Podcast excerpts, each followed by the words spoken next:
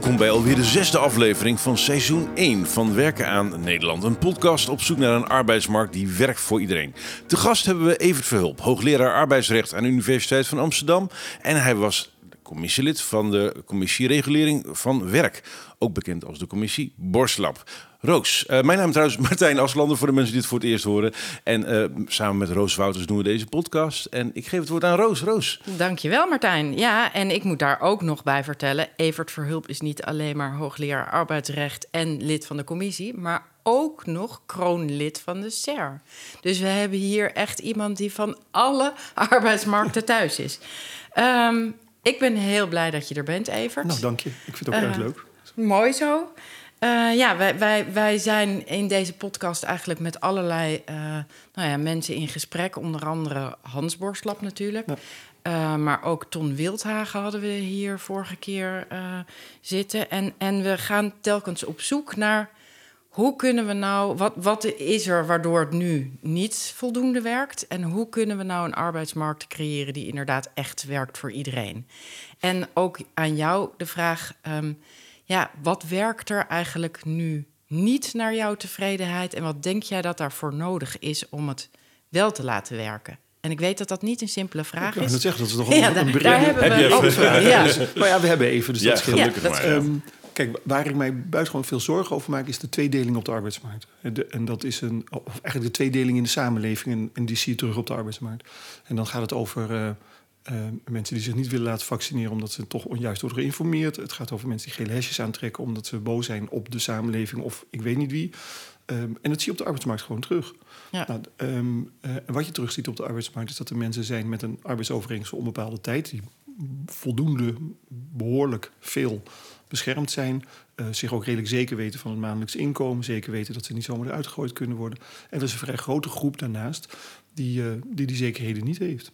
En, en nou, die tweedeling is eigenlijk het, in, maar dat is een hele grote uh, koepel, is, het, is het, het probleem op dit moment. Ja, dat is ook echt jouw zorg. Dat is echt mijn zorg. Ja. ja. En als je zegt tweedeling, dan impliceer je zeg maar dat, dat er een harde scheidslijn is tussen het een en het ander. Maar de complexiteit is natuurlijk, en het gedoe komt van dat het geen, geen nul of één uh, dingetje klopt. is. Nee, want, want je hebt natuurlijk heel veel mensen die op de arbeidsmarkt uh, uh, eigenlijk helemaal geen benijdenswaardige positie hebben, maar wel op het goede moment in Amsterdam een woning hebben gekocht. Nou, die maken zich niet heel veel zorgen. Mm -hmm. misschien, of soms toch ook weer wel. dus de, de scheidslijnen zijn niet alleen maar heel hard te verdelen langs de lijn van de arbeidsovereenkomst voor een bepaalde tijd en het niet hebben van een arbeidsovereenkomst voor een bepaalde tijd. En er zijn natuurlijk ook heel veel mensen die gewoon ondernemers zijn. Nou, dat is ook prachtig. En die voelen denk ik ook niet altijd evenveel onzekerheid. Nee, en, en um, je hebt natuurlijk zowel meegewerkt aan de commissie regulering van werk...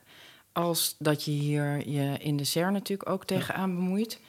Um, heb je het idee dat er schot aan het komen is in die tweedeling te verkleinen? Ja, dat idee heb ik wel niet... Als het gaat over de woningmarkt, want dat, dat zijn mm -hmm. hele andere problemen. Maar als het gaat over de arbeidsmarkt, heb ik wel goede hoop. Ja. En waar ligt dat aan? Nou, dat ligt met name aan het MLT-advies dat net is vastgesteld. Het uh, middellange termijnadvies van de SER. Dat is afgelopen vrijdag, toen was het geloof ik 18 juni, is het uh, vastgesteld door de Raad, dus de Sociaal-Economische Raad. En daarin zijn wel een paar uitgangspunten geformuleerd die ik heel mooi vind. Ik weet niet of ik de uitwerking ook in, het, uh, mm. in de bijlage altijd even, even goed, goed vind. Maar wat ik wel heel mooi vind zijn die uitgangspunten. En eigenlijk zijn er twee hoofdlijnen. Eén is, arbeid moet niet verschillend worden beloond. Dus je moet een gelijk speelveld creëren. En je moet je realiseren dat het niet voor niets is... dat de arbeidsovereenkomst voor um, onbepaalde tijd wordt vermeden. Uh, aan de andere kant moet je ook voorkomen dat werknemers daarom worden gedrukt... in posities waar ze eigenlijk niet gelukkig van worden. Tijdelijke contracten, soms ZZP. Ja, wat, wat ik daar ook uit lees of las... Um, is bijvoorbeeld een van de dingen die me dan opvallen, is uh, dat ze uh, werken met uitzendkrachten. Dat willen ze dan van twee jaar naar drie jaar, dan moet iemand aangenomen worden. Ja. Of van drie jaar naar twee jaar, sorry, ja, andersom. En dat wordt dan gezien als een winst. En dan uh, denk ik, ja, op papier is dat natuurlijk waar. En in het echt is mijn ervaring toen ik dus uh, bij de televisie werkte, bij Amsterdamse televisiezender AT5, toen um, dacht ik, jee, de flexwet, wat fijn. Nu krijg ik na twee tijdelijke contracten een vast contract. Maar ik kreeg een enkele reis uh, UWV. Ja. en na een ehm, half jaar mocht je weer terugkomen. Nou, toen mocht ik na drie maanden oh, onbetaald uh, vakantie vieren. Uh, nou ja, dat kon ik helemaal niet, want ik had net een kindje en een uh, nou ja, vaste last. Dus ik, ik was nogal van in de stress. En, maar ik dacht wel van ja, ik had liever gewild dat die flexwet er niet was geweest. Want dan had ik zekerheid van inkomen. Misschien niet zekerheid, geen baanzekerheid. Maar dan had ik wel bestaanszekerheid. En wat mij betreft hoe goed de bedoeling ook was, um, had het effect dat ik eerst drie maanden onbetaald met verlof moest en daarna een half jaar. En waar het op neerkwam was dat ik de stagiair in moest werken, die gewoon mijn baan overnam. Uh, en dat ik dacht, ja, heel veel dingen die er ook nu weer in dat sociaal akkoord staan.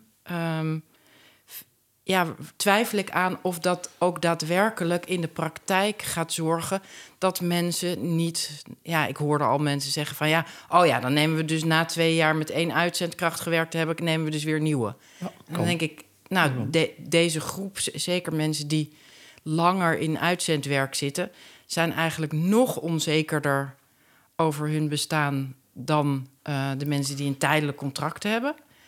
Uh, en wat je er, ja, ik denk dan help, breng je deze mensen met dit soort oplossingen eigenlijk niet verder van huis. Kijk, wat ik, um, wat ik ingewikkeld vind is het volgende.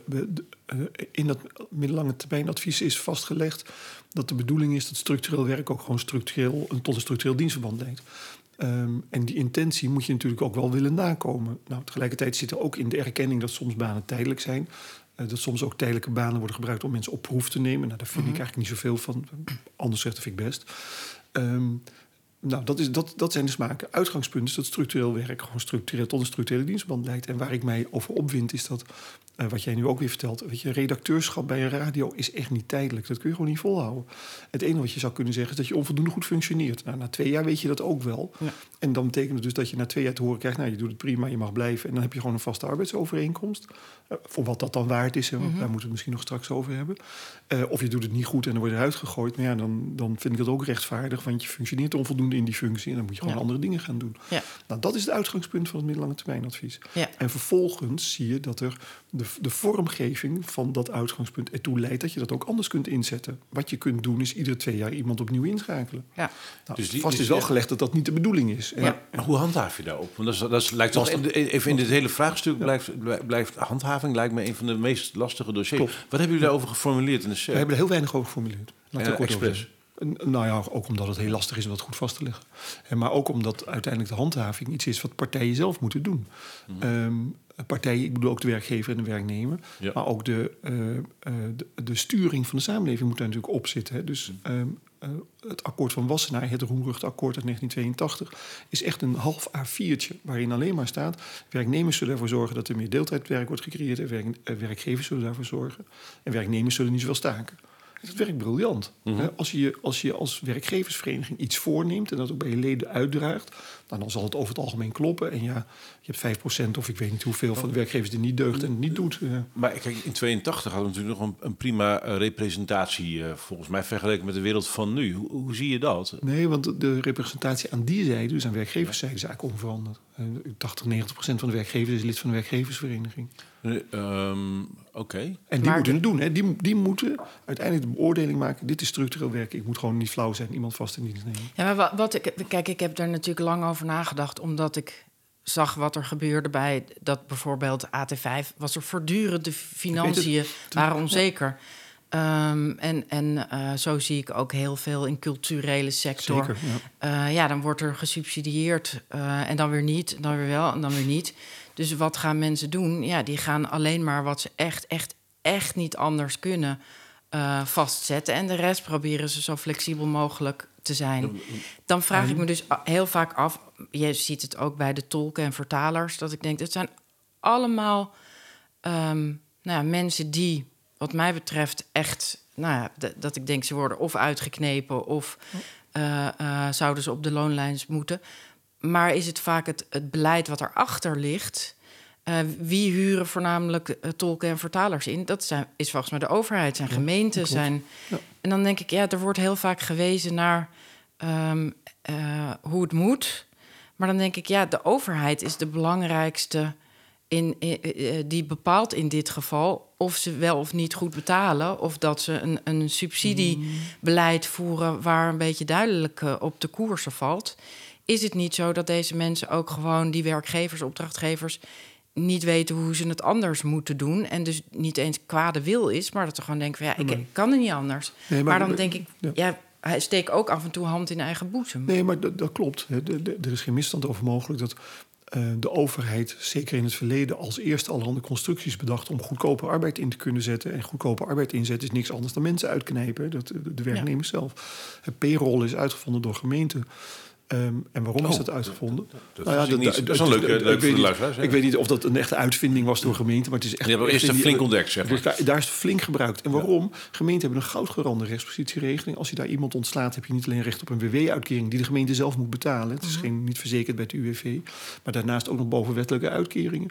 Dan heb je een projectje voor uh, vijf jaar... waarvan je weet dat, uh, dat na vijf jaar zeer de vraag is... of je die ambtenaar nog ergens anders kan neerzetten... Um, nou, wat doe je dan? Dan schakel je een payrollbedrijf in. En dan valt diegene die je inschakelt... valt onder de rechtspositie van de payrollers... en niet onder de rechtspositie van de gemeente. Dus dan hoeft die gemeente zijn eigen CO niet toe te passen. En dat is zoveel goedkoper. Maar is dat niet, zou dat niet een hele waardevolle side note uh, uh, geweest zijn vanuit de share naar... let wel, dit is allemaal leuk bedacht... maar overheid, heeft hier ook nog een schone taak in uw eigen beleid? Ik, ik, ik, sprak bewust in het verleden. Want, oh, ja. want um, een van de verdiensten van Lodewijk Asscher als minister van Sociale Zaken... is wel dat hij min of meer opdracht heeft gegeven om daar gewoon mee te staken. Ah. Ministeries doen het dus ook niet meer. En gemeentes houden er in toenemende mate meer op. Ik begreep dat net de gemeente Amsterdam. Dat, dat, dat uitknijpen van nou, ambtenaren. Vast wel, maar, maar op een andere manier. maar niet zo openlijk. Een nieuwe truc. Nee, nee, nee, dus de payroll is echt wel is, is redelijk gestopt. Door ministeries gebeurt het niet meer. Daar worden mensen op een fatsoenlijke basis ingeschakeld. Dat is echt, echt wel vanaf 2015 ingezet. En bij gemeenten zie je dat nu ook wel terugkomen. Okay, dus maar zoals nu, nu hoor ik dan in Amsterdam dat ze nu al aan het kijken zijn of ze die wet uh, aan de uh, webmodule kunnen voldoen. En, en hebben vervolgens met een hele hoop ZZP'ers die daar uh, werken een hele hoop onzekerheid nu uh, teweeggebracht. Waarvan ik denk, is dit nu in deze crisistijd wel verstandig om deze mensen. ik, ik, ken die brief en de, en de opvatting van de gemeente. Althans, ik heb die brief gelezen, dus ik weet wat ze willen. Kijk, wat ze eigenlijk zeggen is: wij, wij hebben altijd. Het is zeer de vraag of we altijd overeenkomstig de wet hebben gehandeld. En dat is gewoon de vraag. En we hebben er geen zin in om daar discussies over te hebben. Dus we gaan aan de veilige kant zitten. En het gevolg daarvan is dat mensen dus nu uh, in, in dienst van een werkgever moeten zijn voordat ze bij ons kunnen werken. Dat kan bij ons in dienst zijn, maar vooral bij anderen liever. Want dan blijft dezelfde truc. Dan heb je de, uh, de, de gemeentelijke rechtspositie niet zonder meer van toepassing. En wat ik hier ingewikkeld aan vind, is dat Kijk, er is nog nooit een burgemeester betrapt omdat hij een Mercedes kocht van het geld dat hij hiermee verdiend heeft. Het is allemaal publiek geld waarmee die ambtenaren, de, de overheid zuinig probeert om te gaan. En zuinig omgaan betekent dat je nee, minder OZB hoeft te betalen als je die ambtenaren een beetje uitknijpt. De, de ZZP'ers of, of andere arbeidsvormen gebruikt. En dat is het ingewikkelde. En waar we misschien wel met z'n allen aan zullen moeten, is dat we gewoon meer aan de collectieve middelen moeten bijdragen. Ja. Want dan kunnen mensen ook fatsoenlijk betaald worden. Maar is dat dan een taak van het collectief of van de werkgever? Want ik denk nu, mensen schuiven de hele tijd de werkende, de, ja, ik bedoel van rechtspositie naar rechtspositie, waarvan ik denk, ja, die mensen zijn er alle lijden eronder. Klopt. Um, wie wordt hier beter van? Uh, en, dan denk ik, ja, is zoals uh, nou ja, een gelijker speelveld en dat iedereen verzekerd is tegen in elk geval permanente duurzame arbeidsongeschiktheid, is dat niet gewoon een taak van de staat om die basis met elkaar te leggen? Dus eigenlijk van de samenleving en dus van de staat, want dan kunnen we het met elkaar echt collectief oplossen. Hebben we niet ook werkgevers. Eh, ik bedoel, ja, als je nu kijkt, waarom gingen ze payrollen? Nou, omdat ze eigenlijk zo'n goudgerand uh, vast contract hebben... dat ze denken, ja, uh, als we dan die mensen eenmaal hebben aangenomen... komen we er nooit meer op een beetje normale manier vanaf. Kunnen we daar, want dat vond ik wel een mooie van wat er in, in de commissie Borstlab... dat daar ook een beetje beweging in kwam. Maar dan hoor je toch wel weer, de vaste contracten moet de norm worden. Terwijl ik denk, eigenlijk moet sociale zekerheid de norm worden. Ik, ik, kijk, het, het kan mij eigenlijk helemaal niet zoveel schelen of het een arbeidsovereenkomst noemen of iets anders. Hè. De, de, de vorm waarin arbeid wordt verricht is gewoon een juridische constructie. Maar ik maak me wel zorgen over de solidariteit in de samenleving. En dat zit in die tweedeling. En um, Uh, ik voer op dit moment met, het ministerie van Sociale Zaken mee die gesprekken in de sectoren. Mhm. Uit de sectoren komt voor een belangrijk deel wel terug dat heel veel mensen niet als, als werknemer willen werken. En dat doen ze ook voor een belangrijk deel, zegt, zeggen werkgevers. En alles is waar hoor in dit verband. Dat komt ook omdat, zoals een aannemer het zo mooi zei, ach, die jongens die willen gewoon op kosten van de belastingbetaler in een jeepje rondrijden. Ja, dat is het. En het is op het moment dat je het gelijke speelveld creëert en ervoor zorgt dat ZZP'ers net zoveel bijdragen aan de samenleving en, dus ook aan hun eigen verzekeringen, als, als werknemers dat doen, is die financiële incentive in ieder geval weg. Maar deze, ik, ik word hier altijd een beetje verdrietig van. Want voor, voor, mijn gevoel, ja, voor mijn gevoel is dat een frame waar, waar heus wel een aantal mensen aan voldoen hoor, uh, die erin passen. Maar als wij, wij hebben ook onderzoek gedaan en elke keer blijkt dat wat de, waarom mensen gaan ZZP'en, ook die geen ondernemer zijn, is vaak omdat ze zeggen: uh, ja, jij noemt het al. de hiërarchische vluchtelingen. En ik noem ze vaak bureaucratische vluchtelingen, omdat ik denk, maar, deze mensen bijvoorbeeld in het onderwijs of in de zorg gaan niet alleen maar omdat ze in een jeepje van uh, ons belastinggeld willen rondrijden, maar omdat ze. ja, nee, maar ik wil daarom, weet je, het is, ja, het is natuurlijk heel specifiek en, en dat ik denk, deze mensen zeggen, we verlaten het onderwijs of we verlaten de zorg op het moment dat we weer terug in vast dienstverband. En echt niet alleen maar omdat we de leuke dienstjes eruit willen pikken, maar omdat we gewoon weer bezig willen zijn met ons vak. En op dit moment maar, uh, hier word ik verdrietig van. Kijk, in de gezondheidszorg weten we dat er heel veel ZZP'ers en verpleegkundigen zijn die sommige dingen niet willen. Met name administratieve taken en, en soms dag- of nachtdiensten. Ik gooi ze altijd door elkaar, maar één van twee willen ze minder. En het gevolg daarvan is dat werknemers worden belast met veel meer administratieve taken dan terecht is. En met name in het middelbaar onderwijs zie je dat terug. Ik heb mij laten vertellen dat 12% van de docenten in het middelbaar onderwijs inmiddels als ZZP'er werkt. Hetgeen naar mijn visie volstrekt absurd is. Want iedereen weet in het middelbaar onderwijs, gewoon op een school met gewone kindertjes, hè, kun je echt niet als zelfstandig ondernemer werken. Nee, maar ze, maar ze willen het, ze doen het wel. En met name als ze geen zin hebben in die oude gesprekken. En dan krijg je dus de werknemers die vaak tegen echt een aanzienlijk netto lager salaris moeten werken. Die al die, vergeef me erover worden, klote klusjes erbij moeten doen, omdat die ZZP'ers het niet doen. En is dat nou solidair? Ja, maar, is dat nou, is dat nou is dat nou gaan voor de beroepsinhoud? Is dat nou...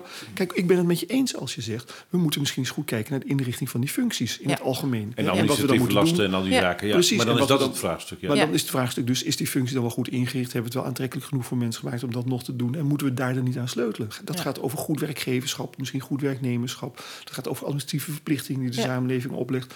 Maar dat gaat niet over de contractsvorm. Want die vluchtelingen, die hiërarchische vluchtelingen... zijn wat dat betreft geen helden. Die belasten hun collega's gewoon met de shit ja, natuurlijk. Ja, nee, maar het zijn ook Canaries in de kolenmijn. Zo kan je ze ook zien. en dan dus denk ik, uh, weet je, zij, gaan, zij vluchten. En is het solidair of is het uh, applauswaardig? in sommige gevallen echt niet. En tegelijkertijd denk ik... Ja, je kan ook solidair stikken in de kolenmijn. Klopt. Nee, nee, maar ja. heb je, je hebt, het lastig is, alles is waar. Hè? Dus, En in iedere functie en in iedere uh, omstandigheid hebben sommige ZZP's echt hele goede argumenten om als ZZP'er te willen werken. Sommigen hebben het echt niet en sommigen hebben mixen van die redenen. Dus alles is waar. Ja. Maar in, in de gezondheidszorg is dit wel een redelijk erkend probleem aan het worden. En in het onderwijs ook. Ja, en, en nou ja, ik, ik heb op dit moment uh, ook uh, een gesprek gehad met de Raad voor de Volksgezondheid en Samenleving, heet dat tegenwoordig. Om te, hm. ja, er wordt heel vaak beweerd dat ZZP'ers in de zorg bijvoorbeeld veel duurder zijn. Maar wat ik dan weer begrijp, is dat er bijvoorbeeld bijvoorbeeld uh, zorgverzekeraars zeggen voor deze prijs, uh, dit hebben we over voor die zorg. En dat dan uh, nou, partijen zeggen, ja, voor die, die prijs kunnen we die zorg niet leveren. En dat dan de ZZP'ers dus dat wel gaan doen, omdat de, de, ja, de mensen met een contract met de verzekeraar daarvoor bedanken. Dan denk ik, ja, in die situatie Klopt, eh, ruimen ze dus weer het afvalputje Klopt, op. Dat is ook, eh, ook dus waar. zodoende denk ik... Ja, ah, ook En, nou, als je deze discussie net zo lang uh, volgt... dat je denkt, ja, wie is niet solidair met wie? Dat doet er eigenlijk niet toe. Wat je moet constateren is dat het mank loopt op dit moment. En dat door de discussie waarop die nu gevoerd wordt... met over solidair of niet uh, ja, ik heb vaak het idee uh, dat dat juist de tweedeling uh, en, en de polarisatie vergroot. En dat ik denk, oké, waar hebben we allemaal behoefte aan? En kunnen we dat niet vormgeven ongeacht de contractvorm? Ik heb um, tijdens mijn college, zei ik vorig jaar... Tegen de studenten als dat je als fatsoenlijk burger van dit land je moet afvragen of je wel met Ryanair wil vliegen. Want de Ryanair heeft tegenwoordig alleen maar Portugese, althans via Portugal ingehuurde stewardessen voor 600 euro per uur per maand. Die geloof ik 80 uur per week moeten werken, zo te zeggen waarop een student opstond en zei: Ja, meneer Verop, ik ben dat op zich wel met u eens. Maar vindt u dan dat ik voor mijn schamele studiebeursje een ticket moet kopen bij KLM, die drie keer zo duur is, waar de directeur 2,5 miljoen van verdient? Ja, ja dat is een goed argument. hij is sterk. Hij, hij is sterk. Ja. Nou, dat is, maar dat is wel precies het probleem. Hè. Wat we zien is dat er steeds meer wordt uh, geconcurreerd, ook op arbeidsvoorwaarden, zodat er goedkopere producten komen. En mensen die last hebben van die concurrentie op arbeidsvoorwaarden, kunnen zich juist alleen nog maar dat soort producten veroorloven. Waardoor de druk erop ook nog groter wordt. En als je niet uitkijkt, krijg je dus een soort dit is al hele, grove, hele zware woorden, maar race to the bottom. Hè? Want uiteindelijk leidt het ertoe dat naarmate de arbeidsvoorwaarden steeds meer geknepen worden, mensen steeds meer behoefte hebben aan die goedkope producten. En het, en het lastige is dus dat, dat ik eigenlijk vind dat arbeid gewoon echt duurder moet worden. Dat realiseren we ons ook. Dat de commissie Borslab leidt ertoe dat arbeid duurder wordt. Uh, dat MLT-advies wat er nu door de CRS aangenomen ook. Arbeid, arbeid is gewoon te goedkoop. Ja. En arbeid is geen middel waarop je moet concurreren. Want als je gaat concurreren met werknemers, heb je uiteindelijk dat iedereen voor die poort staat te wachten, omdat hij dan weer een dagje mag eh, uitgekozen worden om te werken. Maar dat zien we daar dwars doorheen. zien we natuurlijk de, de, digitalisering opkomen, de automatisering. En we hebben natuurlijk corona. En dat is natuurlijk wel, dat is, dat is niet even uh, uh, zomaar wat. Uh, dus wat je gaat krijgen is natuurlijk, we, hebben het over werkgevers, maar we eerlijk zijn, het grootste van de werkgevers in Nederland, dat zijn gewoon de MKB-bedrijven, het volume. En uh, die zijn nou, niet per se zo erg met solidariteit bezig als de grote multinationals wellicht die bij... Uh, dat vraag ik me af. Ja, dat weten we niet. Dat weten nee, we. niet dat, ik, eerlijk gezegd denk ik dat het eerder andersom is. Oké. Okay. Oh, dat vind ik wel... Nee, kijk, MKB, nee, MKB uh, ehm, MKB'ers zijn over het algemeen hele solidaire mensen. Die staan veel meer tussen de werknemers. Die, weten wat ze. Ja. dus die hebben een hele andere benadering van arbeid. Uh, ja. Um, overal zijn uitzonderingen op, ook hier. En maar een beetje MKB met 20 personeelsleden, kent zijn personeel, uh, heeft daar een hele andere band mee dan een afdeling een andere zorg. Van ja, heeft een andere band. Ja, sociale cohesie zal hoger zijn. Maar wat ik me afvraag is, we hebben natuurlijk corona gehad en um, ik, ik, kan me heel goed voorstellen, zeker in de horeca, dat ondernemers denken: ja, wacht even, ik, ik ben het er mee eens, solidariteit, dat zit, dat zit ook in me, maar heel eerlijk, we zitten in zulke rare, volatiele, onzekere tijden. Uh, ik heb liever minder vast personeel dan meer vast personeel. En, en die reflectie snap ik ook nog. Ja, maar kijk, wat er, wat er natuurlijk is gebeurd in deze coronaperiode... is dat de werkgevers die met flex, flexibele schillen hebben gewerkt... en heel snel konden aanpassen... er veel beter uit zijn gekomen dan, werknemers, dan werkgevers die mensen in vaste dienst hadden. Zo simpel is het. Mm Um, en ik ben het met iedereen eens dat dat um, uh, uh, op 108 stand is voor de arbeidsovereenkomst voor onbepaalde tijd. Ja. Maar goed, die arbeidsovereenkomst voor tijd die staat denk ik ook wel ergens op 108. Want dat zie je in de praktijk gewoon gebeuren. Maar ben je niet bang dat als, als, zeg maar, als we nog een keer een coronavariant krijgen of nog een paar tegenslagen, dat, dan, dat, dat daar waar werk geautomatiseerd kan worden, dat werkgevers denken, ja, allemaal leuk en aardig, arbeid moet duren. Ik gun het dat allemaal, maar ik heb die centen gewoon niet. Te risicovol. Ik, ik, ik, ik, ik ga meer automatiseren. Die, die centen vind ik een andere kwestie dan te risicovol. Dat zijn wel twee onderscheiden dingen. Hè? Ja, want fair enough. Ik, ik ik vind het niet erg als een werkgever zegt: luister eens, ik kan gewoon uitrekenen wat een werknemer per maand kost, inclusief uh, de risico's, loondoel, ja. al de, alle ja, te berekenen risico's. En ik vind het de moeite niet waard. Ja. Nou, dan moet hij of aan zijn productieproces werken, of moet hij, vind ik allemaal goed. Hè? Dat is een economische, rationele keuze en dat is prima.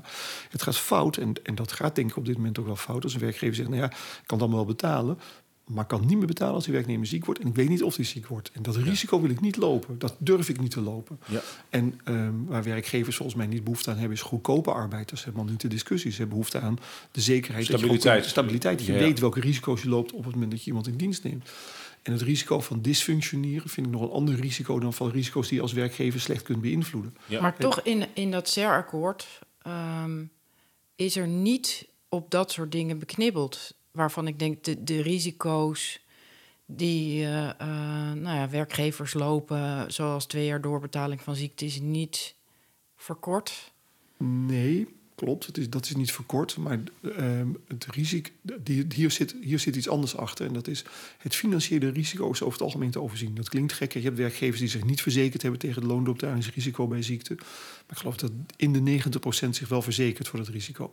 Dus financieel is het allemaal buitengewoon onhandig en vervelend, maar nog, nog te calculeren. Waar het misgaat is bij de administratieve belasting van de werkgever die moet reïntegreren. En ook nog niet eens van de.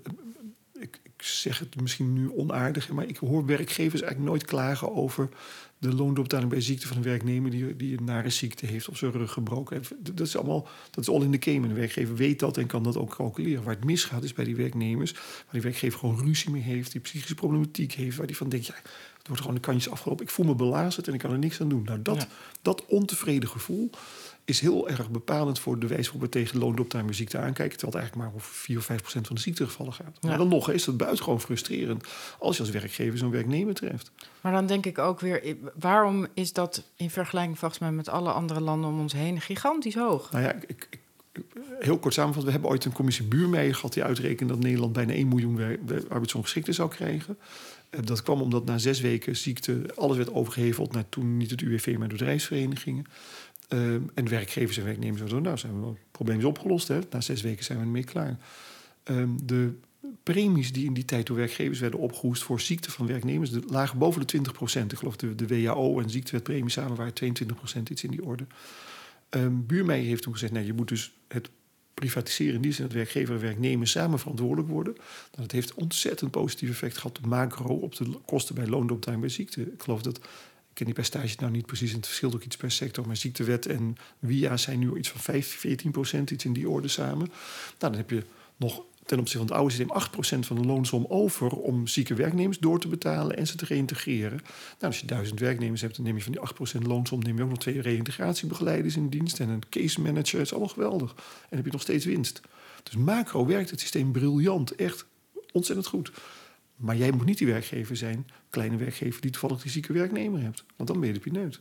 Maar dus, dat is toch... Dus dan zou je eigenlijk een soort getrapt systeem moeten hebben. Ja, en dan, op het moment dat je getrapte systemen maakt... krijg je onderscheidingen of naar grootte van de werkgever... of weer iets anders. En dan zul je zien dat daarop gestuurd wordt. En je tot misbruik. Het Centraal Planbureau en, en de rekenmeesters van Nederland... vinden het echt geen goed idee om die ziekte aan te pakken. Um, de, werk, de overheid heeft wel herkend en erkend... dat voor kleine werkgevers dat systeem echt buitengewoon complex is. Daar is dus ook nu de verzuim ontzorgverzekering voor bedacht. En daar is ook een half miljoen ingedouwd om werkgevers te ontlasten. En de vraag van de SER is ook, nou, laten we maar even kijken hoe dat werkt. En ondertussen ziet de SER, want er staat wel degelijk wat over die loonoptijden weer ziekte in, ziet de SER ook wel dat voor kleine werkgevers dit natuurlijk toch echt een probleem is. Ja. Dus, en, en ja, het probleem is dus macro gezien werkt het zo goed dat je het micro bijna niet kunt oplossen. Ja. Dat is het probleem.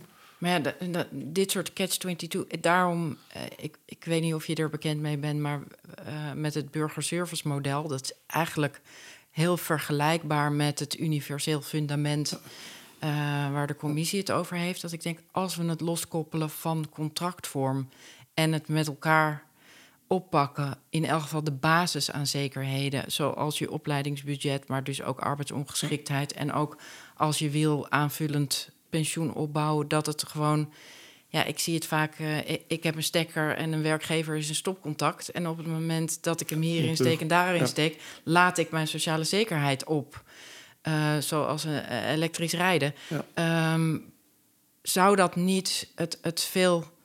nou ja, je ziet nu heel vaak dat het is moeilijk om van de ene opdrachtgever naar de andere opdrachtgever te gaan, of van de sector om je om te scholen. Vorige keer hadden we het ook met Ton Wildhagen daarover. Die zei dat het is eigenlijk bijna onmogelijk... omdat we al die sectorgelden en die opleidingsgelden aan... dus voordat een sector mee wil werken... om jou in een andere sector te laten werken. Uh, en dan denk ik, al, ook met dit soort dingen... als het, ja, als, als het macro goed werkt, maar micro eigenlijk... Uh, uh, ja, zorgt dat mensen... Um, ja, als Canaries uit de kolenmijn vluchten, waardoor de solidariteit uh, en, en, en, de ja, ja. en de pola uh, ja, polarisatie steeds verder oploopt, dan kan het misschien op economisch niveau en uh, wel mooi klinken, maar bereiken we dan niet precies het tegenovergestelde? Want als ik nu steeds die discussies lees, dan wordt het heel erg de ZZP'ers en de flexwerkers tegenover de. En dan denk ik, volgens mij zijn we met z'n mhm. allen proberen we gewoon een, een, in een land uh, te werken en te leven. En de dingen zo goed mogelijk combineren. En een werknemer, uh, uh, nou, zeker iemand in vaste dienst, uh, doe dat niet om de ZZP'er uit te buiten en de ZZP'er niet om de werknemer uit te buiten. dat, dat is ongeveer 4%. Die doet dat wel. Maar ja, maar is, daar, daar, moet je precies. Maar uh, ik wou net zeggen, die 4% heb je, zal je altijd hebben wat voor systeem je als je, als je dat zegadvies goed leest, maar dat zit er met name ook voor een deel in de bijlagen weer, mhm. waar ik ook wel van vind dat er dingen staan waar we nou, een goede discussie over kunnen voeren, dan wordt wel heel hard ingezet op het leven lang ontwikkelen. En dat is, maar dat, er wordt al 25 jaar heel hard op ingezet. Nee. waar zit nee, nu als, waar, zit jouw hoop? Ja? Nou, kijk, het, dat, dat leven lang leren, dat wordt ook wel anders afgekort. Hè, want het is natuurlijk ook gewoon, er wordt een leven lang geleuterd over dat onderwerp. Hè. Um, maar ik geloof dat er nu wel echt zetten worden gemaakt. Eh, echt, echt goede zetten worden gezet, passen worden gezet. En waar dat in zit, die hoop, is dat sociale partners gewoon uitspreken dat ook daadwerkelijk te gaan doen. En ik merk, ik weet dat in de polder het nog steeds wel zo werkt dat als sociale partners zich iets voornemen en dat ook daadwerkelijk gaan doen, dan het ook lukt. Dat zag je bij het akkoord van Wassenaar, maar dat zie je steeds wel weer terugkomen. En ja, dat gaat dus langzamer dan wanneer je dat meteen van de een op de andere dag koud wil invoeren. Maar dat lukt ook denk ik niet. Nee, ik heb ook maar, niet... Maar, maar, maar, die sociale partners die hebben natuurlijk steeds minder leden, dus de, de representatie, dus hoe, hoe, uh, hoe ziet die dynamiek in elkaar? Kijk, ik vind die dynamiek vind ik sowieso lastig. De, de sociale partners hebben uh, niet steeds minder leden, die nemen nog wel iets toe, maar procentueel de arbeidsmarkt daalt het behoorlijk. en het aantal leden, wat ik zorgwekkender vind, is dat de leden die dus uh, vakbeweging heeft, uh, niet meer zonder meer een doorsnede van de arbeidsmarkt te zijn of een samenleving zijn. En want ik vind eigenlijk het aantal leden niet zo interessant, maar ik vind als ze, als ze goed kunnen peilen wat er in de samenleving als leeft, als, als, als de antenne doen, het is repres als inhoudelijk representatief. Staan, precies, dan zijn ze inhoudelijk representatief. Of ze een 1 of 20 of 100 procent organisatie gaat, dat maakt mij niet uit. Um, maar wat, wat je wel zag, zeker, en ik weet niet of dat echt veranderd is, is dat bij sommige bedrijven in ieder geval, dus op dat niveau ging het vaak fout, uh, de leden oude blanke mannen zijn. Uh, waardoor in sociaal plannen, maar soms ook in cao's, de belangen van jongeren, tijdelijke contracten, uh, mensen op een andere basis aan de arbeidsovereenkomst op een bepaalde tijd werken, gewoon een beetje werden verkwanseld. Nou, verkwanseld is misschien te veel gezegd, ja, maar geval ondergeschikt werden gemaakt. Ja. En dat is, nou, dat is natuurlijk frustrerend voor die groepen. En dat moet je ook niet te veel doen als vakbeweging. Wat ik wel merk is dat uh, dat geldt zeker voor de grotere bonden. Die vakbeweging die wel steeds probeert om die andere groep ook echt aan zich te binden. Daar maakt ze heel actief beleid op. Nou ja, het, het, ingewikkelde van de Nederlandse vakbeweging is dat de Nederlandse vakbeweging echt een hele redelijke organisatie is, die zich heel redelijk opstelt. Als je kijkt naar buitenlanders, zijn de FNV's echt watjes, hè, want er wordt nauwelijks gestaakt en er gebeurt eigenlijk nooit wat. Uh, um, en ze worden beloond met ledenverlies. En dat is natuurlijk ook zo dat binnen de FNV daarom de stemmen steeds groter worden, om maar eens op straat resultaten te gaan boeken. Nou, en dan ja, dat, dat, uiteindelijk was bij de laatste voorzittersverkiezing... Uh, waren de, de, de twee voorzitters profileerden zich een beetje ten opzichte van elkaar. Dat viel wel mee, maar de een zei toch veel meer... we gaan naar de straat dan de ander. Nou, de ander heeft het gewonnen met 52 tegen 48 procent van de stemmen. Dat geeft wel het sentiment aan die binnen zo'n vakbeweging heerst... en die ik ook wel begrijp. En dat ja, misschien moeten we eens uit die, ser, uh, uit die schimmige kamertjes wegkomen... en een keertje op straat gaan kijken of we daar niet meer resultaat kunnen boeken. In ieder geval de leden onzichtbaar kunnen maken. Ja. En als ik aan mijn studenten uitleg hoe de polder werkt nou, dan, is dan is iedereen er heel tevreden over. Nou, prachtig, goed systeem. En dan is mijn vraag, wie wordt er nou lid van een vakbeweging? Nou, niemand. Dan zeg ik, ja, waarom niet? Zeg ja, het werkt toch? Het werkt toch? ik ben toch niet nodig? Nou, dat, en ja, dat is, ja, ja, ja. Ik, en nee, want ik, ik heb natuurlijk uh, de werkverenigingen uit frustratie opgericht. Ik heb ooit in het bestuur gezeten van het Alternatief voor Vakbond... waarin we hebben geprobeerd eerst echt als alternatief... Uh, de vakbond wakker te schudden en te zeggen: jongens, jullie vergeten de outsiders, jullie vergeten de ZZP'ers, jullie vergeten de flexwerkers, jullie vergeten de jongeren. En hebben we in eerste instantie heel erg geprobeerd te zeggen: uh, we zijn niet tegen jullie. Op het moment dat jullie onze agenda overnemen, heffen wij ons op. Maar we hebben niet het idee dat het van binnenuit tot nu toe is gelukt om die vernieuwing nou, dat komt door, door, het door het bolwerk waar we het net nou, over nee, maar dat vind, ik, dat vind ik ook niet waar. Dat is niet waar. Nee, je merkt dat er wel degelijk veranderingen plaatsvinden, binnen, ook binnen zo'n zo vakbeweging als de FNV. Natuurlijk verschuiven daar dingen. Alleen de vraag is of het snel genoeg gaat. Nee, maar ja, nou ja, dan wil ik die vraag wel beantwoorden. Volgens mij gaat die niet snel genoeg naar uh, hoe snel het gaat met dat mensen niet meer contracten met onbepaalde tijd. De groep jongeren die een vast contract krijgt of meerdere banen tegelijkertijd wil combineren. Waardoor ze al sowieso. Ja, de, de arbeidsmarkt is nu opgebouwd denkende dat je, je bent of werkgever of je bent werknemer of je bent ondernemer. En dat blijf je dan.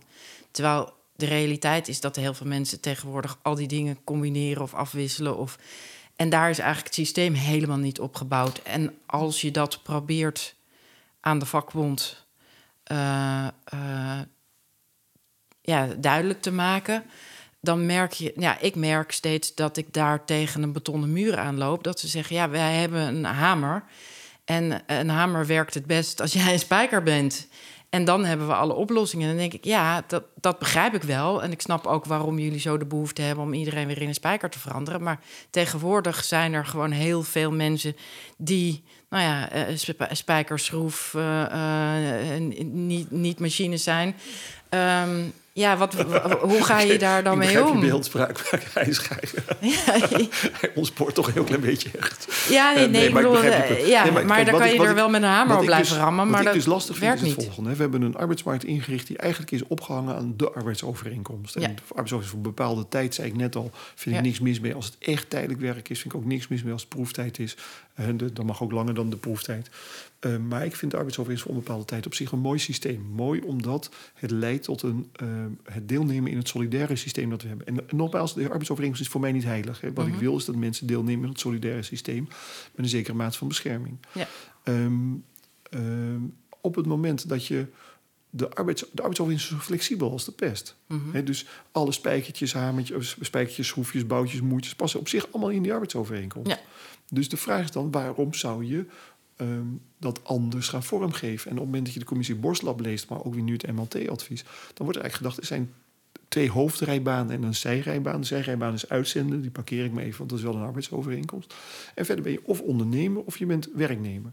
En ik vind dat nog steeds een mooie onderscheiding. En vervolgens zeg jij, ja, maar mensen combineren dat. maar het is prachtig, dat moeten ze ook vooral doen. En dan ben je 20 uur per week ondernemer en dan heb je, loop je bedrijfsrisico... en dan ben je voor jezelf bezig en je bent 20 uur ergens in dienst... of 5 uur of 2 uur of 10 uur of 10 keer 2 uur, kan mij het schelen. Maar, er zijn toch ook hybride vormen tussen het werkgeverschap en het werknemerschap? Welke dan? Uh, nou, ik ben spreker, ik, uh, ik verdien mijn geld met, met spreekbeurten geven. Ja? Nou, uh, ik zou niet weten bij wie ik in dienst zou kunnen daarvoor. Nee, ik kan ik ook ondernemer maar, in maar, maar, maar, ja, maar ik voel me op geen enkele manier ondernemer. Er is alleen geen ander woord. Want ik heb geen, geen behoefte om een heel bedrijf te gaan runnen. Dus de enige, dus ik ben automatisch ondernemer omdat ik niet ergens in dienst kan. Uh, voor, voor dit soort werk. En, en, en toch voel ik me op geen enkele manier, heb ik nog nooit gevoeld, me ondernemer. Maar de vraag is, Um, heb je een rechtsrelatie met iemand waardoor je als werknemer beschouwd zou kunnen worden en die ander verantwoordelijk zou kunnen laten zijn voor het afdragen van premies, et cetera? Nee. nee. Maar, nee, maar, De, maar de grap is, dan ben je dus automatisch ondernemer. En de connotatie van het ondernemerschap en hoe we naar ondernemerschap kijken, daar, zit een, daar zit nog wel een, wereld van verschil tussen. dat is uh, uh, en ik draag graag bij op alle manieren, dus ik doe, ben graag solidair. Alleen het frame dat we gebruiken uh, in alle discussies is, nou ja, je bent geen werknemer, dus je bent ondernemer. En dan denk ik, wacht even, dat is, het voelt heel zwart-wit. Dat is, maar het, het is ook een tamelijk zwart-wit systeem. En ik, eh, eh, waar ik zo meteen naartoe wil, is dat ik graag bereid ben om te discussiëren over dat systeem hoor. Dat moeten we misschien ook doen. Maar tot op heden hebben we niks beters. Nee. En dat maakt, dat maakt het zo ingewikkeld. Ja, en, maar dat snap ik. Hoe komen we uit de spaghetti? Want het is nou ja, eigenlijk kijk, als je dan nou, ja, maar tot nu toe, zoals de commissie Borstlap, wat mij betreft, is het, weet je, de opdracht die de commissie heeft gekregen, is om te kijken hoe kan je de wet en regelgeving zo maken dat die past. Mhm. En dan denk ik, dan vertrek je dus vanuit het systeem. En krijg je een systeembenadering. Uh, dit is het systeem en hoe kunnen we het systeem aanpassen aan hoe het nu is. Terwijl ik denk, als we nu gaan kijken vanuit de werkende mens en de motivatie, waarom willen mensen werken, hoe werken ze, wanneer durven ze risico's te nemen, wanneer blijven ze zitten waar ze zitten en verroeren ze zich mhm. niet. Als we vanuit dat uh, punt vertrekken, dan zie je heel snel dat uh, ja, de werkvormen zullen de meeste mensen echt helemaal niet kunnen interesseren. Die zeggen: Oké, ik, wil, ik wil dit proberen en uh, nou, het bevalt me wel of niet. maar door hoe we het systeem hebben ingericht. Kijk, er wordt nu gezegd: mensen gaan fiscaal om de fiscale voordelen worden ze ZZP'ers, zodat ze een jeepje kunnen rijden. Tegelijkertijd denk ik: hoeveel mensen zeggen: Ik heb een vast contract, kan ik een hypotheek nemen? En niet: Goh, wat heb ik een fijne baan op de inhoud. Dus ik zat op een gegeven moment te denken: hoe krijg je nou dat de discussie weer niet meer over de solidariteit op alle andere voorwaarden gaat, uh, maar over. Uh, we regelen de solidariteit met elkaar. Dus dat je en een hypotheek kan krijgen. En dat je leuk werk hebt. En dat je zekerheid hebt. Maar laten we dan de inhoud van het werk bepalend zijn voor de werkvorm. Maar, maar wat je dan doet, is de, dan doe je de, de arbeidsovereenkomst in zijn huidige vorm tekort. Waarom noem je dat dan niet een arbeidsovereenkomst? laten we vanaf nu zeggen dat we de arbeidsovereenkomst X noemen of B of K, dat kan me niet schelen. Mhm. maar het, het contract arbeidsovereenkomst biedt alle ruimte om te werken zoals je wilt. Um, er zitten een paar beperkingen in hoor, dat geef ik graag naar. Maar ik, ik heb nooit begrepen dat iemand zegt: ik wil als ZZP'er werken vanwege de vrijheid die het mij geeft. Want dat past in die arbeidsovereenkomst ook. Dat ja, je afspreekt met de werkgever. Uh, ja, maar dan zegt een werkgever: uh, ik uh, kan bepalen hoe jouw flexibiliteit is in overleg met mij.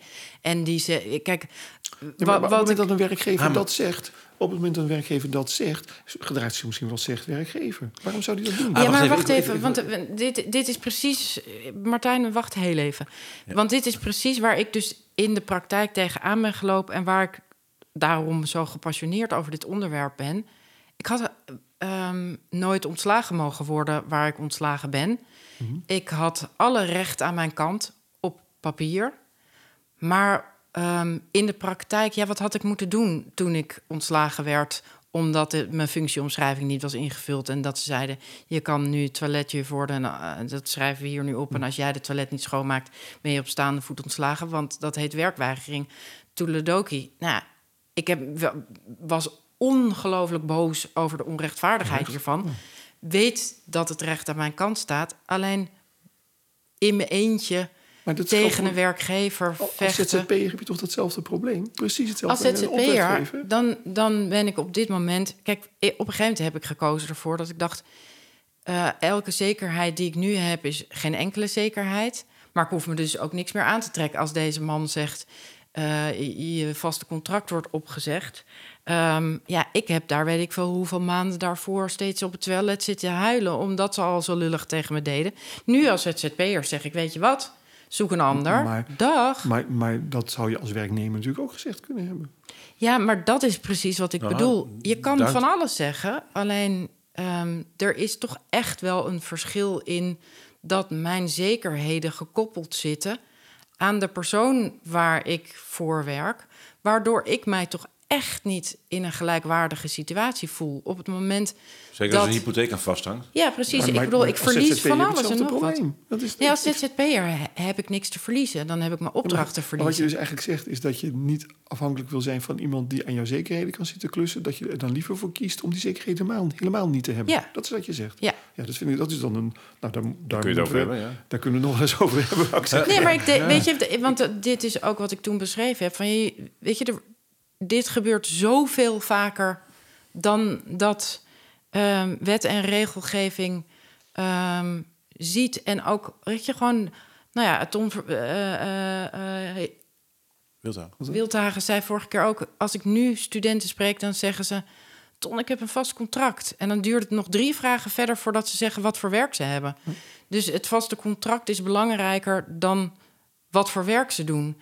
En dan denk ik, ja, ik ben zeg dan welke klus ik heb binnengehaald. Ja, voor een deel van de mensen geldt het vastcontract als een uh, toegangsticket tot, een, tot een hypotheek. Tilburgse student hoor. In Amsterdam hoor ik dat niet. Dus, dus, nee, maar, dus nou ja, ik, nee, maar ik, ik wel. En ook, ik hoor ook, met, weet je, dus ik denk dat je de, en dat is ook waarom ik het zo zonde vind dat in de commissie Borslappen helemaal geen psychologen, geen gedragswetenschappers zaten. Omdat ik denk, dit aspect kan je plat slaan door te zeggen je rechten en plichten. En wat het feitelijk, het arbeidscontract, maar wat het psychologisch met mensen doet, uh, wordt er geen rekening mee gehouden. En ik denk dat het heel veel doet met mensen. Als het bijvoorbeeld uiteindelijk ervoor gezorgd heeft dat ik zeg: geef al mijn zekerheden maar op, want dan kan je me niet chanteren. Maar een beetje, maar dan vanaf als dat de consequentie is van het hebben van een arbeidsovereenkomst voor een bepaalde tijd, dan noemen we het vanaf nu een werkcontract voor. Ja, ik zou heel graag een sociaal ik, contract nou, willen ik, Wat ik nieuwsgierig naar ben, want dat vind ik echt interessant. Zo had ik er nooit naar gekeken. Ik wil je eigenlijk zeggen, er zitten zoveel mogelijkheden binnen de, binnen, uh, binnen de arbeidsovereenkomst. We hebben alleen te weinig smaakjes gemaakt voor de situatie van nu. Hoor ik je dat zeggen? Ja, nou bijna. Kijk, het is heel simpel. Ik heb nooit begrepen dat iemand als ZZP'er wil werken omdat hij meer vrijheid wil hebben. Terwijl je ook tegen je werkgever kan zeggen: luister, ik kom niet weer jouw werk als ik die vrijheden niet krijg binnen de arbeidsovereenkomst. Dat kan natuurlijk echt. Hè. Het is een contract, je kunt gewoon afspreken. Ja, maar, maar goed, de vraag is even: maar ik, volgens mij zit er niet in onze samenleving dat, dat je als. De, volgens mij hebben de werknemers in Nederland niet het gevoel dat ze die arbeidsovereenkomst, dat, ze, dat je die kan aanpassen met elkaar. Want heel, heel, veel mensen weten niet eens dat, je, dat, die, dat die CAO een minimumbod is. Dat je daarover kan. Precies. Nee, maar dat, laten we eerlijk zijn. dat, dat weet, men weet dat niet. Hè? Nee, vaak niet. Nee, en, en dus het geldt ook voor dus wat je nu zegt. Volgens mij heb je wel gelijk. Uh, er kan van alles. De praktijk alleen is dat, dat niemand dat als zodanig ervaart. Klopt. Dus waar gaat dat mis en wat zouden we daar kunnen doen? Ja, dat heeft iets te maken met de wijze waarop ehm, eh, cao's worden gepresenteerd. En dat heeft iets te maken met de wijze waarop de, de, de uh, denk ik, werkgever in Nederland de arbeidsovereenkomst als een soort standaardworst beschouwt, die het niet formeel helemaal niet is, juridisch. Maar is dat niet, het echte probleem van het arbeidsmarktvraagstuk dat we, dat we die, contract, die contracten als een, arbeid, uh, uh, als een eenheidsworst hebben? Je, je, kunt, je kunt heel makkelijk afpellen. Je kunt zeggen, wat heeft nou een ZZP'er contractueel voor op een werknemer? En het antwoord is vanuit werknemersperspectief of ZZP-perspectief helemaal niks. Mm -hmm. Helemaal niks. Want een werknemer heeft nog rechten waar hij van, ook vrijwillig van af kan zien. Nee, bedoel, Je hoeft geen transitievergoeding te claimen bij je werkgever. Als je werkgever zegt, ik moet van je af, het spijt me, want je ziet zelf al die klanten komen niet meer. Dan zeg je als verstandig werknemer, nee, dat zie ik ook wel, natuurlijk begrijp ik best. ja, en, dan, en dan teken je ook gewoon een beëindigingsovereenkomst. Dan ga je naar het UWV en krijg je keurig een uitkering. is geen probleem. Nou, ZZP heeft hetzelfde probleem, alleen die krijgt te horen het contract wordt beëindigd. En wel vanaf morgen. Ja. Dus je kunt in die situatie hetzelfde als werknemer als ZZP'er doen. Dus het is geen reden om als ZZP te opereren. Als ik verpleegkundige wil zijn, dan kan ik ook tegen mijn werkgever ziekenhuis zeggen... nou luister, ik wil heel graag bij jullie komen werken. Die administratieve shit moeten we het over hebben, want daar heb ik geen zin in. En ik begrijp dat ik dan niet solidair ben met collega's, dus ik doe een deel wel. Maar sommige dingen doe ik echt niet. Um, en ik wil ook die in die diensten niet draaien. Kun je gewoon contractueel okay, maar, maar dan hebben we het nu... Het is wel leuk, want uiteindelijk zijn die vakbonden ooit opgericht... voor de, de emancipatie van de medewerker. Maar de emancipatie van de werknemer is nu zo ver gegaan... dat die werknemer in feite afdingt wat er gebeurt. Hè? Want in de gezondheidszorg is het echt niet zo... dat ziekenhuizen nare ziekenhuisdirecteuren hebben... die tegen de verpleegkundigen zeggen... jij moet nu ZZP'er worden.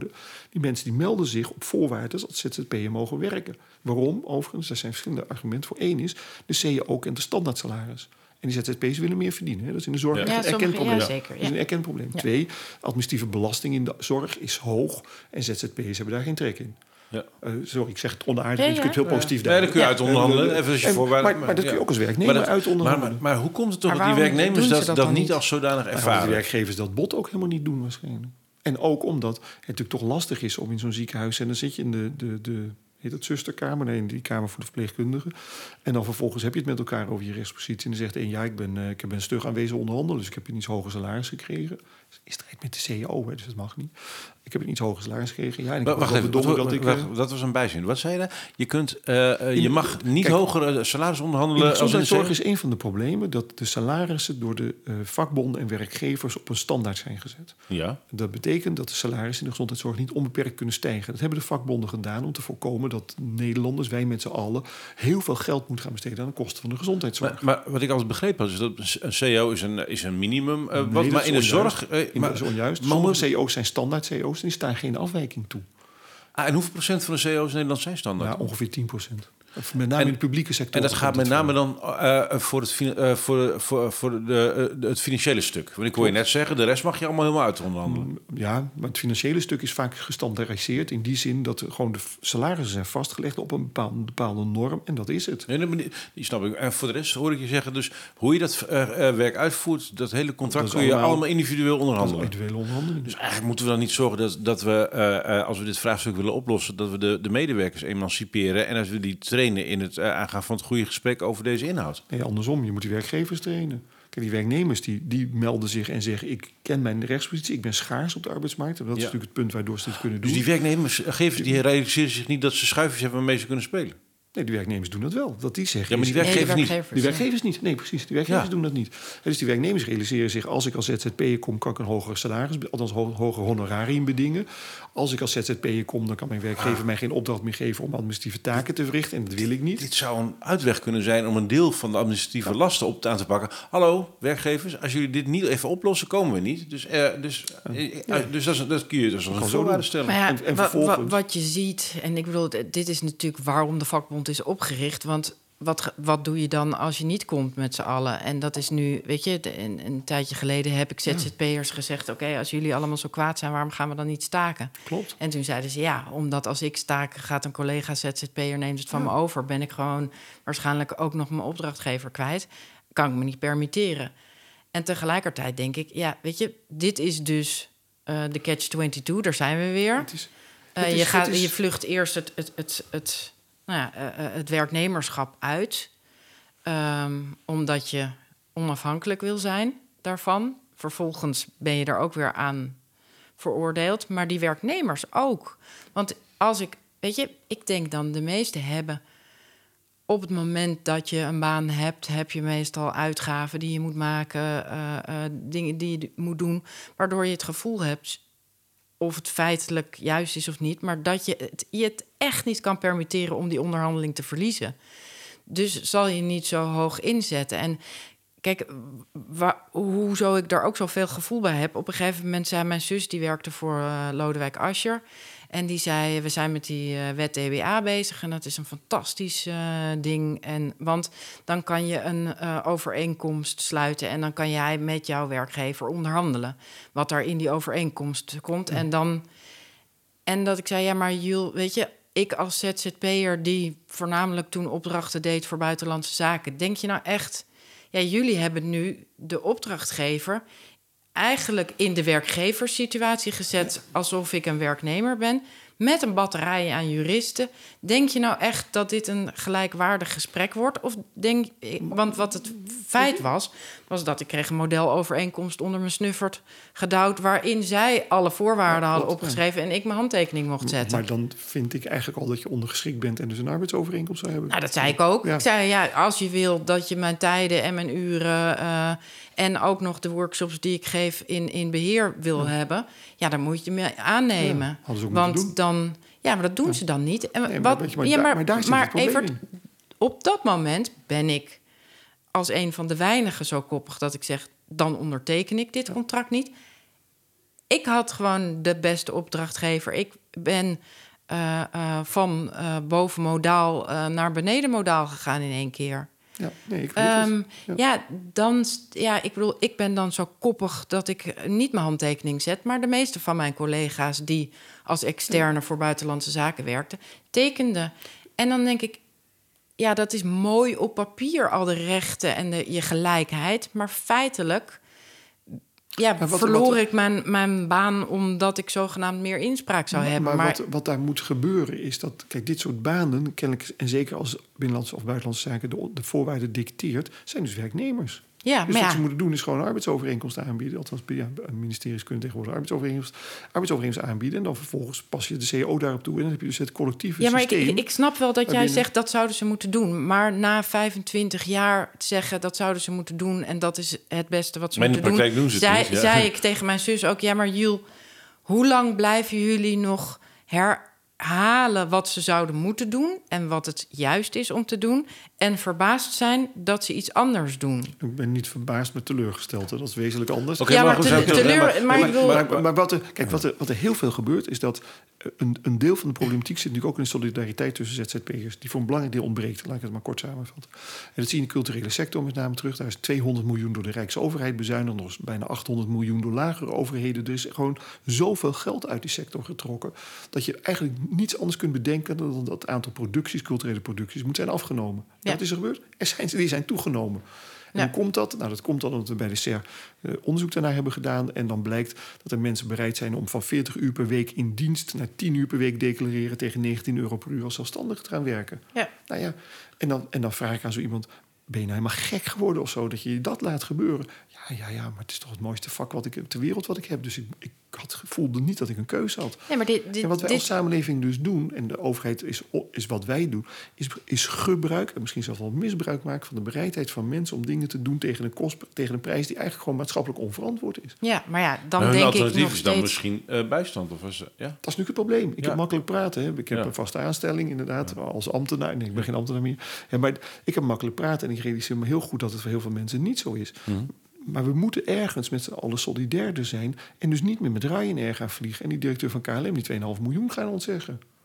Uh, Volgens mij zie je er geen discussie over. Hier nee, zijn het allemaal wel ja, ja, ehm, ehm, Maar dus ook niet, ook niet naar het zaterdagochtendconcert gratis gaan... waar die pianist alleen maar speelt. Omdat hij denkt van ja, wat fijn dat ik een keertje een concert Ja, maar ja, als je daar al niet nou, meer naartoe gaat... dan wat ik ingewikkeld vind, is dat we dus als overheid... is er besloten dat we geen geld meer over hebben voor cultuur. Niet meer zoveel. Ja.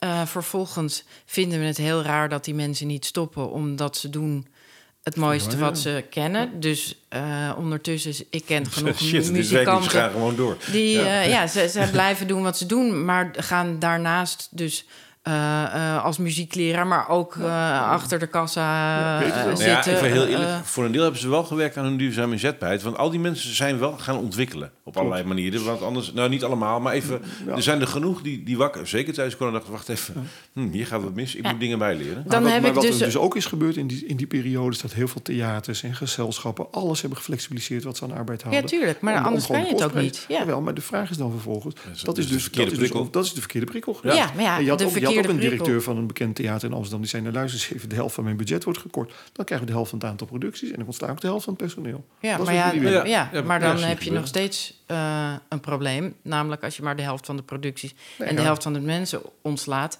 Waar gaan die dan weer naartoe?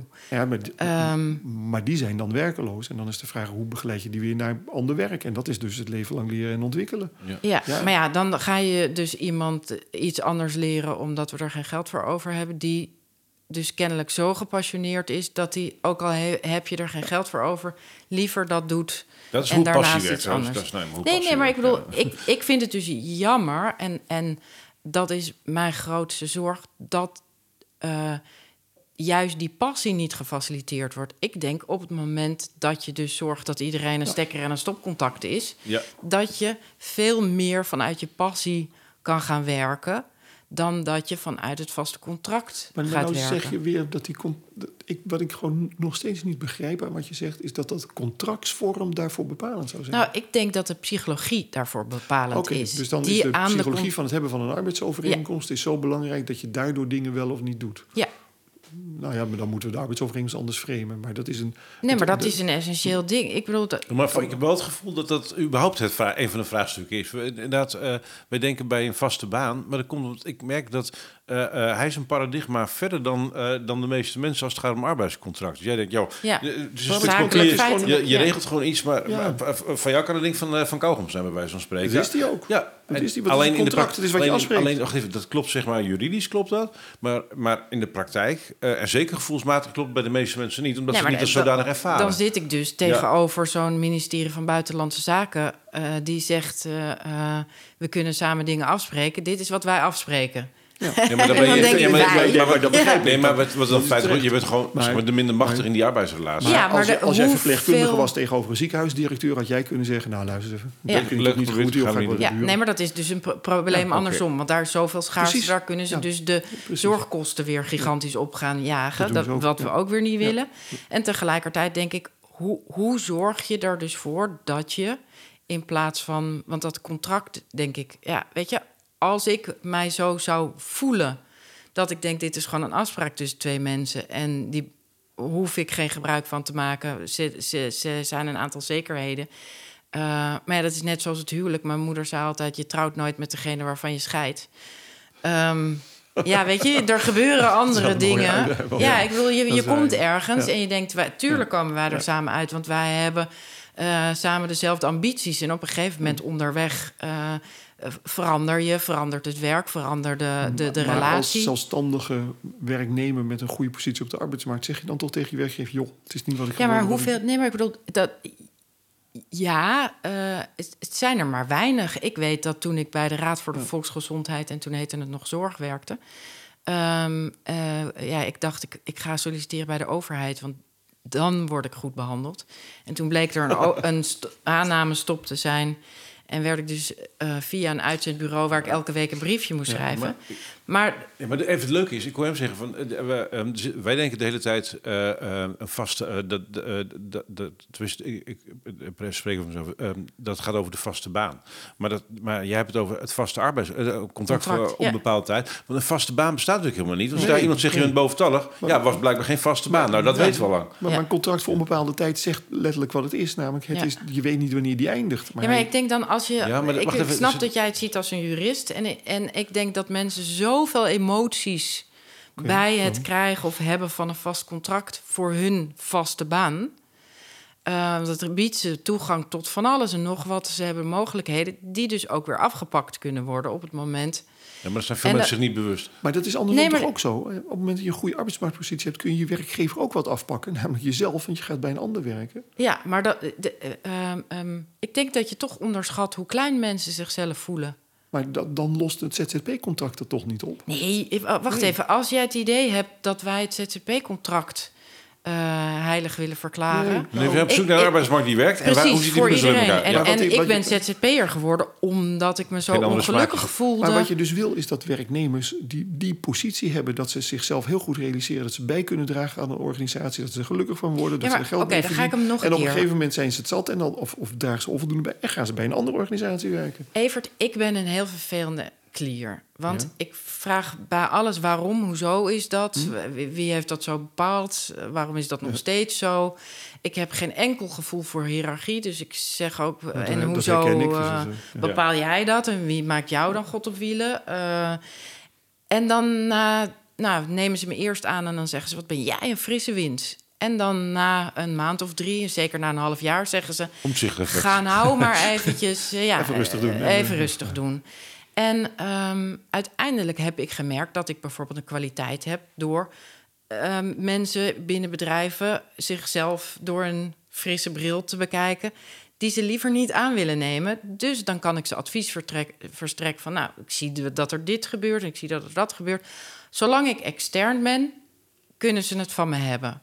Zodra ik onderdeel ben, merk ik dat er een soort van machts verhouding dat ze zeggen: Oh, jij met je spaties, misschien moet jij even een toontje lager gaan zingen. Want jij bent net zoals ik hier in dienst. Uh, en jij gaat een beetje ons vertellen wat wij hier moeten veranderen.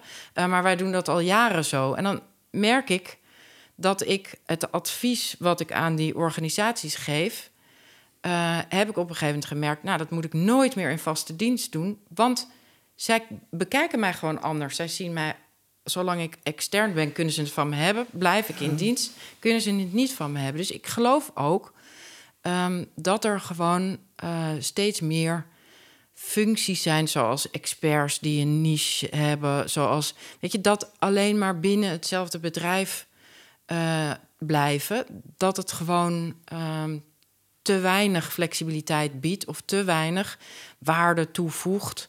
Um, op het moment dat ik heel veel heen en weer beweeg en ik kijk heel veel in keukens van waar het anders is, heb ik ook steeds het idee dat ik echt waarde toe te voegen heb. Uh, en de ene keer ben ik bij GasUnie en die zegt, ja, maar wij zijn GasUnie. Maar luister, maar dat kan dan dan ben je misschien wel een ondernemer die uh, ideeën verkoopt. En daar heb je gewoon een business voor. En dan heb je ook, loop je financieel risico. En daar, daar vind ik niks mis mee. Dat is ook goed. Of je treedt gewoon tijdelijk in dienst, omdat je ondergeschikt bent. En weet, of je treedt in dienst, weten dat je er op een moment weer uitgegooid wordt. Maar arbeidsrecht is ook niet bedacht om die verbinding altijd tot stand te houden. Weet je? En op het moment dat ze je te vervelend vinden, terecht of onterecht, ja, dan word je er waarschijnlijk uitgegooid. Dat is de consequentie.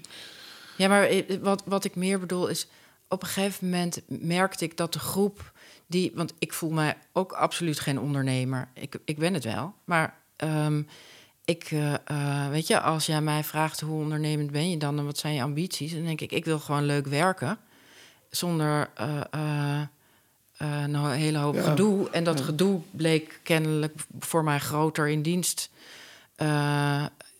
of het nou tijdelijk dienstverband was, maar ik bedoel, zodra ik ergens op een loonlijst staat, verschuift de verhouding. Zoals ik al zei, wat je, wat, je, wat je zegt is... het hebben van een arbeidsovereenkomst voor onbepaalde tijd... heeft kennelijk een soort psychologisch effect... op mm zowel organisaties als mensen... dat dat ertoe leidt dat je op een andere manier dat benadert. Daarvoor, ik ben een hele steile jurist, dus ik heb die, dat gevoel helemaal niet. Maar als dat zo is, dan moeten we daaraan klussen. Ja, maar, oké, maar, maar, contractueel is er geen, geen juridisch gezien is er geen echt, echte discussie. Nee, maar de meeste mensen kijken niet juridisch natuurlijk. Nee, maar, maar dat dus ook, als je een sterke positie hebt, want dat is natuurlijk het probleem in deze discussie. Als je een sterke positie hebt als werkende, kun je natuurlijk gewoon in de arbeidsovereenkomst in feite afdingen wat je wil, behoudenswettelijke grens. En soms CO's die normeren. Dat blijft een probleem. CO, Oké. Ehm, vorig jaar hier Ton uh, Wildhagen, die, die, uh, die uh, vraagt me aan mensen voor de volgende die we hier hebben. Goh, wat zou je, heb je nog vragen voor de volgende gast? En die zei, wat, wat heeft Evert geleerd van de afgelopen tijd, met name corona? En als je kijkt naar de toekomst. Dus uh, heel nieuwsgierig. Nou ja, wat, wat ik, wat ik uh, lastig vond van de afgelopen tijd... is dat je ziet dat ondernemers echt onder water komen te staan. En, dat, is gewoon verschrikkelijk uh, dat er wel behoorlijk maar botte maatregelen worden genomen. Bot in die zin dat ze niet gewoon fijnmazig zijn. Dat vind ik vervelend. Hè? Want je hebt altijd weer van die ondernemers die dan net in februari zijn begonnen. En dus nu gewoon een putje afgaan waarvan ik denk, kom op zeg. Een beetje meer maatwerk kan de overheid er ook wel leveren. Dus, dat, en dus de eerste les is meer maatwerk leveren. Dat moet toch altijd wel kunnen. Um, is één. En twee, ik heb ook wel geleerd dat je... Um, uh, nou ja, wat, eigenlijk wat Roos een beetje zegt... dat je misschien wel tegen barrières oploopt... maar dat die eigenlijk niet door het recht worden gecreëerd. Want recht is maakbaar. Dat kunnen we gewoon met z'n allen afspreken. En dan is het anders geworden. En maar dat je een gevoel moet creëren dat iedereen erbij hoort... en ook het gevoel heeft dat binnen de contractuele vorm die er is... Nou, die ruimte wordt genomen. Mm -hmm. Dus wat ik bedoel te zeggen is dat ik steeds meer merk... dat de arbeidsovereenkomst vaak heel anders wordt benaderd... dan die juridisch niet geval gezien uh, zou moeten worden benaderd. Namelijk als gewoon een hulpmiddel om dingen te regelen. En dat is het. Mm -hmm. Maar dat wist je al, toch? Ik wist dat al. Nee, maar de vraag, wat heb je geleerd? Maar, van maar ik heb, sorry, ik heb geleerd dat men zich dat onvoldoende realiseert. He, dat het een hulpmiddel is om dingen te regelen. En niet een, een soort verplichtende standaard waar je hoe dan ook wordt ingeperst. En dat je dan dus alleen maar een spijkertje mag zijn. Je kunt ook schroefjes timmeren en dat gaat heel goed. Ja. Oké, en, en, en wat moet er gebeuren? Want dat is twee vragen. Wat moet er hoe gebeuren met wie? wat moet hoe gebeuren met wie? Nou ja, wat er hoe moet gebeuren is dat je ziet dat. Um, uh, uh, want wat heb ik geleerd, en dat is eigenlijk een combinatievraag. Wat heb ik geleerd in de afgelopen periode? Is dat je ziet dat ondernemers soms down the drain gaan, maar zelfstandigen ook.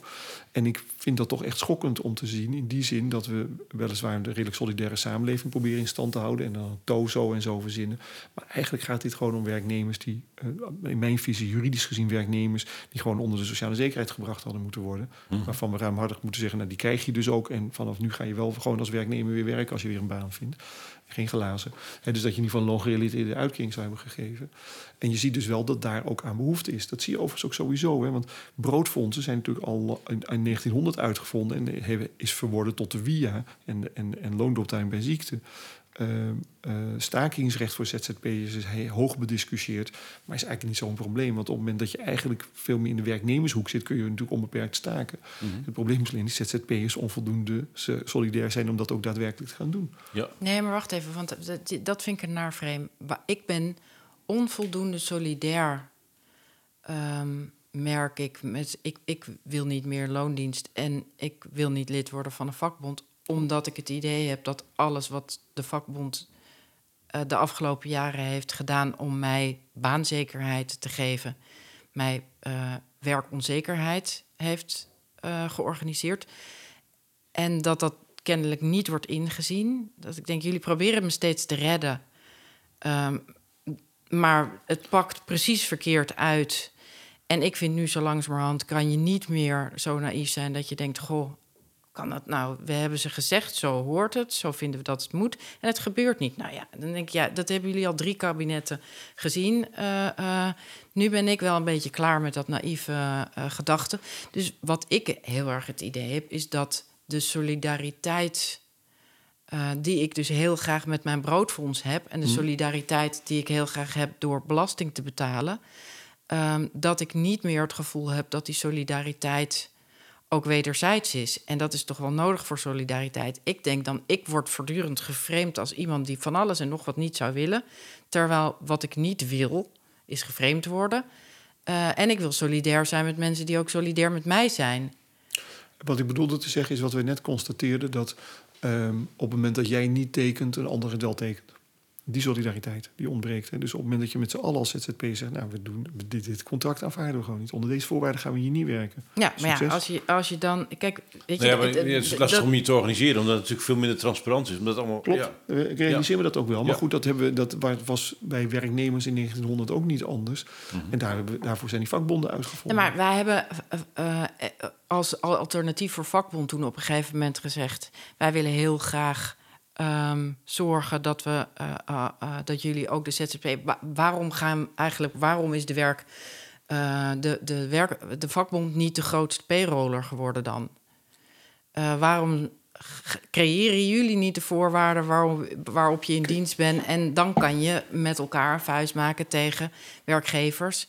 Maar het idee dat payroll en dat je niet in vaste dienst en dat je werd zo aan vastgehouden Ehm, dat ik dacht, ja, nou jullie hebben eigenlijk je eigen uh, doelgroep. Want volgens mij zijn ZZP'ers gewoon de nieuwe, nou ja, degene waarom je een, een uh, vooral flexwerkers, waarom je nieuwe uh, solidariteit moet inrichten. Maar daar wordt van gezegd, ja, jullie zijn niet solidair op, oprotten. Uh, dat, is, dat is gewoon niet waar. Nou, ik ben geen vakbondsman, dus ik hoef dat allemaal niet te verdedigen hier. Maar nee, nee, nee, wacht even. Ik, ik heb heel veel discussies en ze zullen het niet op groot niveau zeggen. Maar als je kijkt, zeggen ze de flexibilisering is doorgeslagen. En uh, de, de uh, ZZP'ers uh, zorgen ervoor door te weinig bij te dragen aan de sociale lasten, dat ze het systeem om zeep helpen. Ja. Nou, dat vind ik dan een heel groot verwijt. Omdat ik denk, ja, jullie, ik heb jullie meerdere malen gevraagd om het systeem dusdanig in te richten dat ik er ook weer aan bij wil dragen. Maar tot nu toe, als ik bijdraag aan jullie systeem, help ik mijn eigen werk moeilijker maken en mijn eigen inkomenszekerheid moeilijker maken. Dan moet je me ook wel tegemoet komen.